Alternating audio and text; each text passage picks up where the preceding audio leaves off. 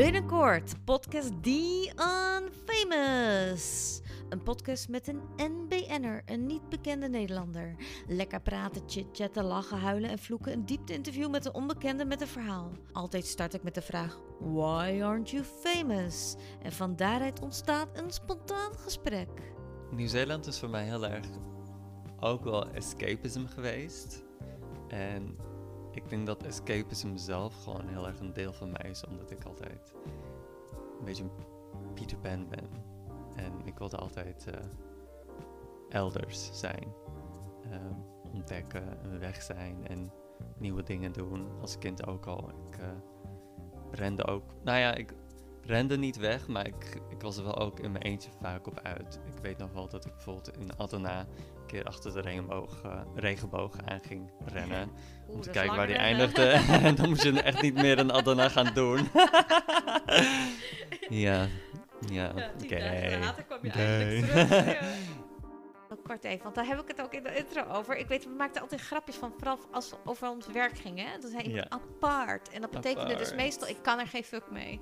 toch? Ja, dat betekent toch gewoon. Ja. Het is niet zo van, zo bijzonder of dat is origineel. Nee, apart. Je weet nee, het is echt een beetje iets dat je zegt als je niet zo goed weet wat je over iemand moet zeggen of zo. Ja, mysterieus ook, ja. En ik heb letterlijk gisteren nog op Grindr gehoord dat iemand zei dat ik mysterieus ben. Ik doe er niet echt die, iets voor. Die heb je gelijk gedelete, zeker? Of niet?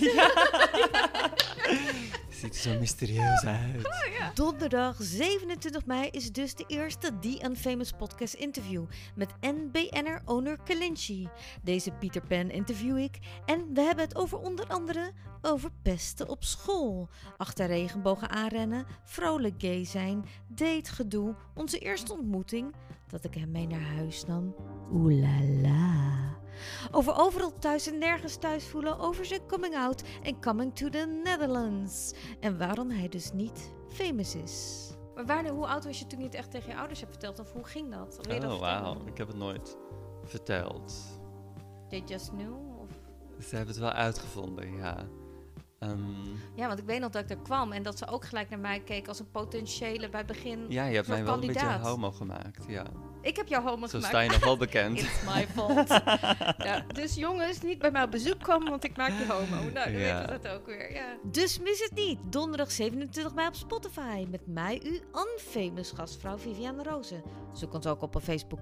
En vivianerozenartlive.blogspot.com. Tot dan.